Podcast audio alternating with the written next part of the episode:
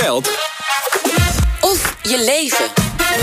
Elk uur een andere stroomprijs. Misschien moet u er niet aan denken, maar toch bieden steeds meer energieleveranciers dynamische contracten aan. Waarbij je dus, niet, eh, waarbij dus het ene uur meer betaalt om de waterkoker of wasmachine aan te zetten dan het andere uur. En soms krijg je er zelfs geld voor toe. Ja, dat eh, klinkt ook als een droom. Bart van der Weijer schrijft over energie eh, voor de Volkskrant en dan de proef op de som. Is hij achteraf tevreden over zijn beslissing om zo'n dynamisch contract te nemen? En zou hij het aan anderen aanbevelen? Dat ga ik met hem bespreken. Bart, welkom. Goed dat je er bent. Ehm, Dankjewel. Heb je net nog even de app gecheckt van de stroomprijzen? Ja, ik heb eventjes naar de prijzen van morgen gekeken. Oh. En dat is weinig opwindend. Het is redelijk vlak. Eh, dus er gebeuren morgen. Morgen krijg je zeker geen geld terug. Hoeveel je- cent per kilowattuur? Nou, ik geloof dat het gemiddeld morgen ongeveer 10 cent is. Mhm. Eh, dat klinkt heel laag, want de meeste mensen betalen ongeveer 30 cent. Maar dan komt er nog wel belasting bij. Dus je moet altijd bij je prijs 17 cent optellen. Oké, ja, 27 cent nog altijd goedkoper dan, dan, dan die 30 cent. Ja. Waarom is Ja. het morgen een, eh, een 10 cent dag? Nou, je kan bijna een beetje het weer aflezen aan deze app. Want dan is het morgen waarschijnlijk een beetje een grijze dag waarop het niet al te hard waait. En dan zie je dat de meeste gascentrales aanstaan. Dus dan draai je voornamelijk op fossiele energie. Mhm. Ja, en die heeft ongeveer deze prijs. Oké, dus het Als het dan morgen heel, heel hard zou waaien, dan zag je inderdaad dat de prijs veel lager zou zijn. Ja, of als de zon eh, zou schijnen. En, en, en stel, eh, ik heb een dynamisch contract en moet vandaag nog een, eh, een wasje draaien. Wat is dan een goed moment? Ja, dan zou ik het toch vooral uh, vannacht doen. Uh, dan is de vraag naar stroom laag en dan is de prijs meestal ook laag. Dus dan, uh, dan kom je voor een eurocent of zes kom je aan de beurt. Nou, dat is ook best wel goedkoop. jij hebt het allemaal uitgezocht. In de afgelopen jaren had jij zo'n dynamisch energiecontract. waarom dacht je, dat ga ik eens proberen? Nou, een beetje om dezelfde reden wat de meeste Nederlanders zullen hebben. Van, hé, hey, er valt iets te besparen. Uh, wat ik vroeger deed, en dat doen ook nog steeds de meeste Nederlanders, is uh, je sluit één keer per jaar een nieuw contract af. En dan ga je naar zo'n vergelijkingssite en dan kijk je wie heeft de beste aanbieding. Nou, dan krijg je wat geld terug en dan kijk je er een jaar niet meer naar om. Maar toen de energieprijzen zo stegen, uh, toen dacht ik misschien is zo'n dynamisch contract wel iets voor mij. Want als ik op momenten stroom kan gebruiken dat het net iets goedkoper is, dan uh, dalen mijn stroomkosten. Ja, en, de, en dan volg je dus eigenlijk de, de marktprijs. Ja, wat, wat je doet als je een dynamisch contract hebt, dan betaal je eigenlijk hetzelfde wat grote industriële bedrijven ook betalen. Uh, en dat, dat verandert dus elk uur van prijs. Dus je moet dan wel een dag van tevoren even kijken, wat gaan die prijzen doen? Mhm. En als je dan ziet dat het overdag bijvoorbeeld een keer heel goedkoop is, omdat de zon schijnt, dan zeg je nou, dan doe ik overdag de was. En dan zet ik overdag de vaatwasser aan, misschien ook de wasdroger. En als je een elektrische auto hebt en die kun je aan je laadpaal hangen, dan moet je dat dan ook op dat moment doen. Oké, okay, en, uh, die, en dan weet jij nu wel zeker wat de prijzen van morgen zijn. Het is niet nog dat het dan nog wat veranderen, veranderen kan. Nee, dit ligt vast. Okay. Dus uh, je weet het een dag van tevoren zeker. Toch iets van, uh, van zekerheid. En nou uh, heb ik begrepen en ook wel eens gelezen... dat je geld kan verdienen als je op een goede moment bijvoorbeeld de wasdroger aanzet. Hoe zit dat? Ja, dat is bijna ongelooflijk. Ja, dus dan inderdaad. krijg je geld als je stroom gebruikt. Nou, dat is op momenten... Nog gunstiger dan slapend rijk worden. Dit, dit is een vorm van slapend rijk worden, ja. zeker als het s'nachts gebeurt. Nou is dit meestal overdag en meestal ook alleen in het voorjaar en de zomer. Uh, en dat gebeurt ook nog eens meestal in het weekend. Uh, als de zon volop schijnt, het waait lekker hard en alle bedrijven zitten dicht, of tenminste veel van de bedrijven zitten dicht, in het weekend dus. Mm -hmm. Dan is er dus een overvloed aan groene stroom op het net, veel meer dan we zelf kunnen verbruiken. En dan gaan de prijzen dus dalen, vaak gaan ze dan naar nul. Maar uh, als er dan eigenlijk ook nog iets misgaat in het systeem, dan worden ze negatief. Nou, soms is dat een cent of vijf of een cent of zes. Als je dan nog belasting moet betalen, dan kost het nog steeds geld. Maar vorig jaar op 2 juli was de stroomprijs een paar uur 61 cent negatief. Dus dan kreeg je voor elke kilowattuur kreeg je in principe 61 cent terug. Nou, nou dat is veel. Natuurlijk al je apparaten. Je zeggen, want wat heb jij ja. toen gedaan? Je zag toen op zaterdagavond, shit, morgenmiddag, dan ga ik rijk worden. Morgen wordt onze dag. Ja. wat dus heb je toen uh, gedaan? Nou ja, dan kun je dus. Uh, ja, sommige mensen zetten echt alles aan wat er in huis is. Dat is misschien niet aan te raden. Maar ik dacht van, nou, ik ga dus de wasmachine aanzetten. En de wasdroger ga ik aanzetten. En ik heb stiekem ook alle lampen aangedaan. Dan zijn dat LED-lampen. Dus dat levert niet zo heel veel op.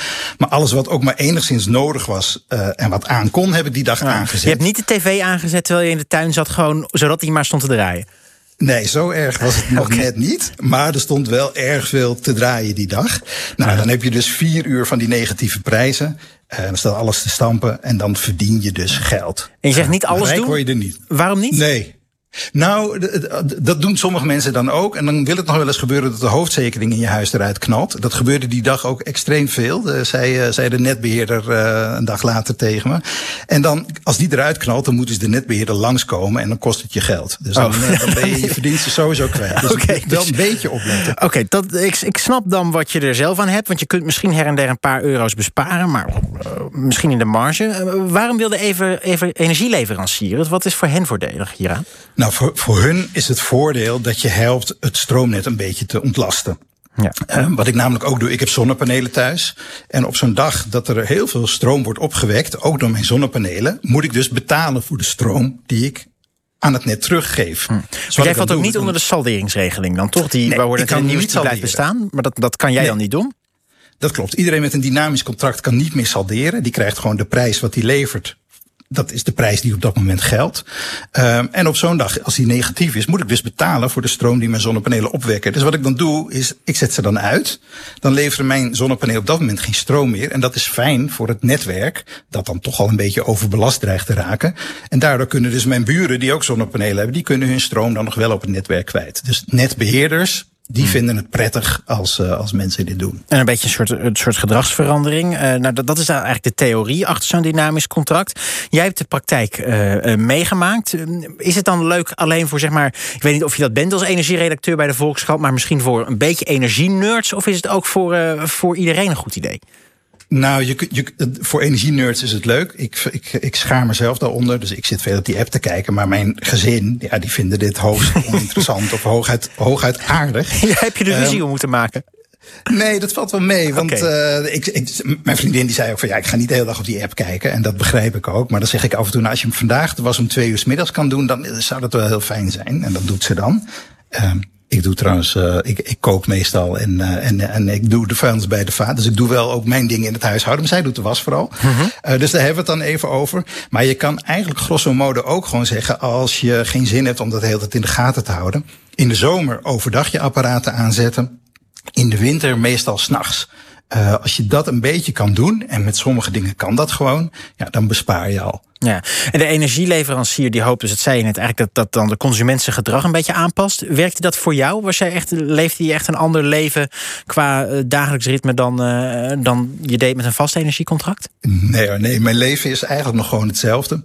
Het enige wat veranderd is, is normaal denk je er niet bij na. Dan hmm. zet je de was aan als de wasmachine vol zit en uh, dan laat je hem draaien. En nu zet je hem dan soms op de timer dat hij zes of zeven uur later begint dan aanvankelijk. Dus het is eigenlijk een hele kleine moeite uh, om dingen te doen. En ik ga niet uh, wachten met stroom gebruiken uh, om, omdat de prijs te hoog is. Als wij moeten eten, en dat is dan meestal hè, om zes of zeven uur s avonds, dan zijn de stroomprijzen altijd hoog. Uh, ik ga niet zeggen we wachten tot negen uur vanavond, jongens, want uh, dan kunnen we goedkoop elektrisch koken. Nee, dat nee. zou ik wel ver gaan. Toch, um, uh, het was natuurlijk ook de, de jaren van de energiecrisis. Ik bedoel, elektriciteit redelijke prijs. Nou, toen kwam de gascrisis, gingen ook de elektriciteitsprijzen door een dak. Is dat dan niet ontzettend stressvol als je zo'n dynamisch contract hebt? Ik kan me voorstellen dat je dan wel even zenuwachtig wordt. En het, het klopt wat je zegt. Zodra de energieprijzen ineens plotseling weer begint te stijgen Misschien omdat Poetin iets geks doet. Uh, ja, dan ben jij met je dynamische contract als eerste het haasje.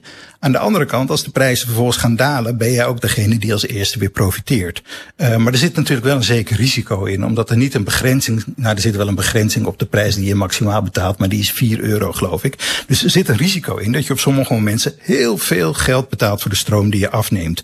Nou moet ik zeggen, in de periode dat ik het deed, waren de prijzen al aan het dalen. En ik heb eigenlijk nooit meer betaald dan het energieplafond dat vorig jaar nog gold. Dat was 40 cent per kilowattuur. Nou ja, en, eigenlijk altijd ondergebleven. En, en tot slot, heb je als je dan zeg maar de balans voor jezelf opmaakt, hoeveel goedkoper ben je dan uit met zo'n dynamisch contract ten opzichte van een, van een vast contract? Nou ja, dat is ook weer een beetje voor iedereen verschillend. Ik heb namelijk zonnepanelen, dus ik kon vroeger salderen. Dus wat mijn zonnepanelen in de zomer opwekt, mag je dan afstrepen ja. tegen wat je in de winter gebruikt. Uh, dat kan ik nu niet meer doen. Uh, maar ik kom toch ongeveer op hetzelfde bedrag uit. Dus uh, voor mij zit er geen winst in.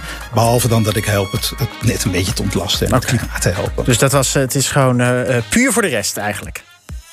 Ah, ook omdat ik het gewoon zelf leuk vind. ja, en misschien wordt dit dus wel de toekomst, zeker als dat salderen een beetje op de helling komt te staan. Ondanks dus dat de Eerste Kamer vandaag besloot dat die salderingsregeling waar jij het over had, Bart, nog maar even moet blijven bestaan. Dankjewel dat je wilde vertellen over jouw experiment.